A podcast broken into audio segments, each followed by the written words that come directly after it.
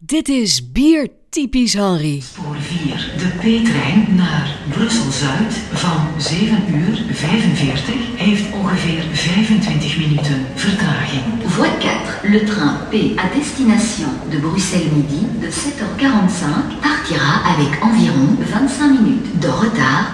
Natte en gure dagen vragen om een donker en krachtig bier.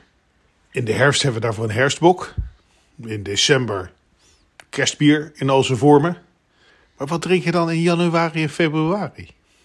Hoogste tijd om in deze aflevering van Biertypisch Henry stil te staan bij Baltic Porter. Porter zoals die in het Baltische gebied, zo Polen, Finland, die richting op, gebrouwen wordt. Als eerste spreek ik met Jan Ligota, een Poolse bierkenner die al jaren in België woont en werkt.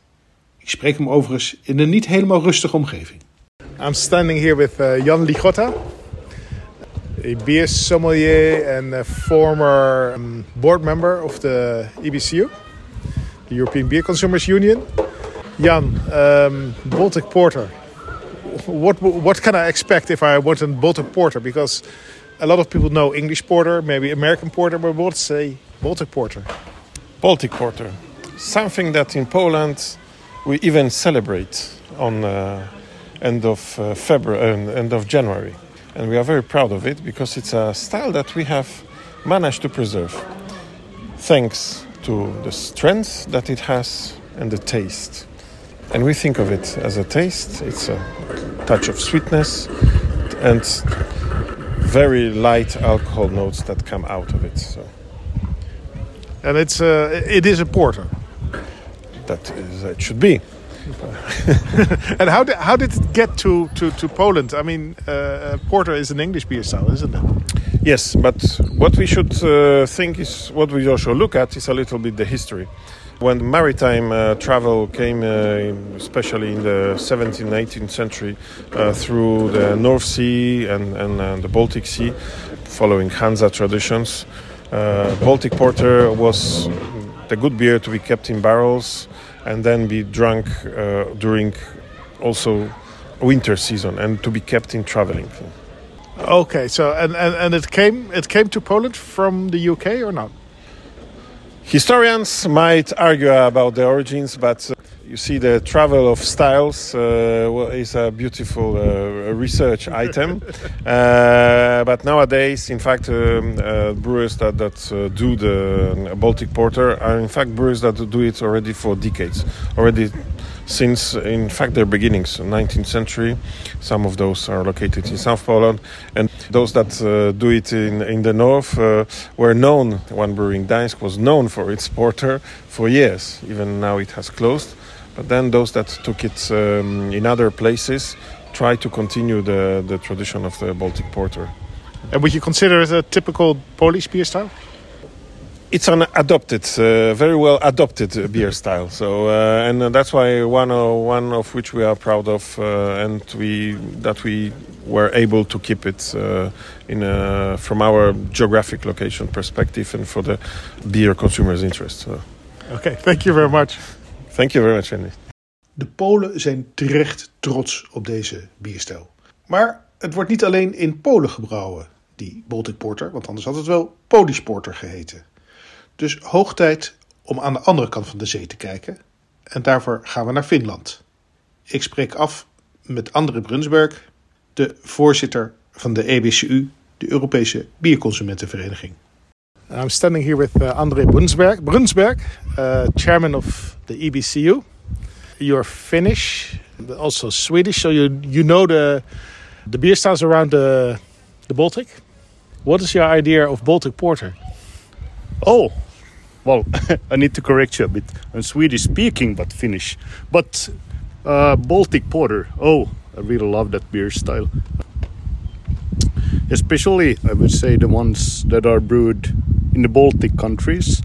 Uh, they tend to be more lager-like, a bit sweeter, which seems to be something that I I fancy a lot. But I also, as I come from Finland, I also like the original Koff Porter a lot.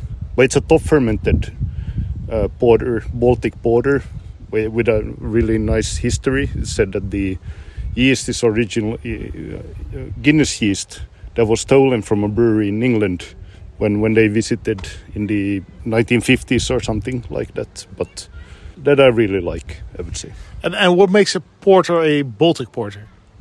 Baltic porter, I, I think, well, I guess if you really go into the details, it should be brewed with a lager yeast, but it can be top fermented as well. But as long as it's cold lagered for a while to make it more smooth than, let's say, a British porter, and then it needs to have the alcohol percentage to warm you up in the winter times. That's, It's, it's a black winter beer. Yes, Great. Thank you. yeah, you're welcome. Voor het laatste gesprek in deze aflevering spring ik terug over de Baltische Zee naar Polen. En ik spreek met Marek Kaminski, een brouwer die ons meer kan vertellen over de geheimen van een echt goede Baltic Porter. I'm standing here with uh, Marek Kaminski from Kimpin Brewery from Poland. And Jan Ligota told me that you are not only an expert on Rosicki, but you can also you can also tell us a little bit about Baltic Porter. Oh, sure. Yes, for sure. This is uh, the black gold, as we call it in Poland. That sounds good, but how do you make the black gold? Well, the Baltic Porter is, um, as you know, it's not only the Polish beer style. It's uh, it's a, it's original from the Baltic region, but uh, I have to admit, and it's not only me who thinks so, that um, in Poland we really do create Baltic porters.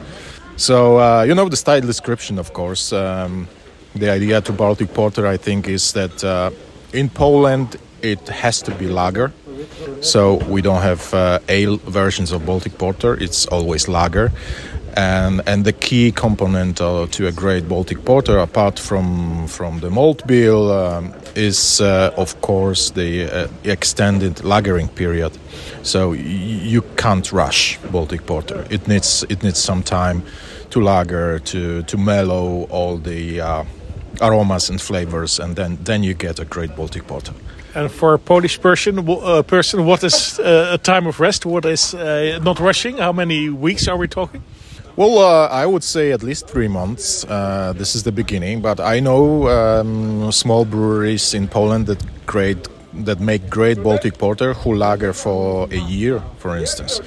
So they, they, they lager Baltic porter for a year in, in still tanks, of course, and they release it uh, actually one year after brewing. And uh, that's still fresh. It's still vibrant. Yeah, it's still you know, you know in, in Baltic Porter it's not that much about freshness. It's more about uh, complex, uh, malty uh, aromas and flavors, and um, mellow and uh, well integrated uh, components of the beer. Of course, and then the beer, of course. There's some beer being traveled around, uh, I think. sure. Of course, Baltic Porter is um, is a strong beer. So in Poland, in Poland, yeah, you need Baltic Porter of of at least seven and a half, eight percent ABV. Below that, it's not really a Baltic Porter. and above that, uh, what's the upper limit? Oh, the upper limit normally would be would be nine for a classic Baltic Porter. So like s- eight to nine would be the most common. But we also have imperial Baltic Porters, and then that is going up to like twelve or thirteen. Oh, really? And uh, can you say something about uh, the because uh, Baltic Porter, of course, the the malt is uh, time and malt basically, and the neutral yeast. Uh, can you say something about the malt bill? What what kind of malts would you use? That depends on the brewery. I would say the the base uh, of the bill you start with Munich malts, uh, both both uh, light and dark Munich malts, uh, and then you build up from the. Uh, but but of course some brewers use Pilsner malt as as a base malt, but uh, and then you build from there up uh, with uh, dark and specialty malts. So um, any any kinds of, uh, but but you of course as as always in case of porters, you want to avoid like the the burnt roasted aromas and flavors. So you rather go for for chocolatey and um, and and roasty um, huskless, for instance, uh, malts. Uh, that don't give you um, too much of that of that burnt or charcoal character. Okay, thank you very much. No problem. It was a pleasure. Wat een heerlijk intrigerend biertype is die Baltic Porter. En wat mooi dat het de tand des tijds heeft doorstaan. Tijd. Zes maanden, twaalf maanden lagere. Kom daar nog maar eens om. Maar ja, dan heb je ook wat. Een echte, mooie Baltic Porter. Die je ongetwijfeld ook de tijd moet geven om van te genieten. En dat is precies wat ik nu ga doen. Gaat het nog een beetje, meneer Reuglin?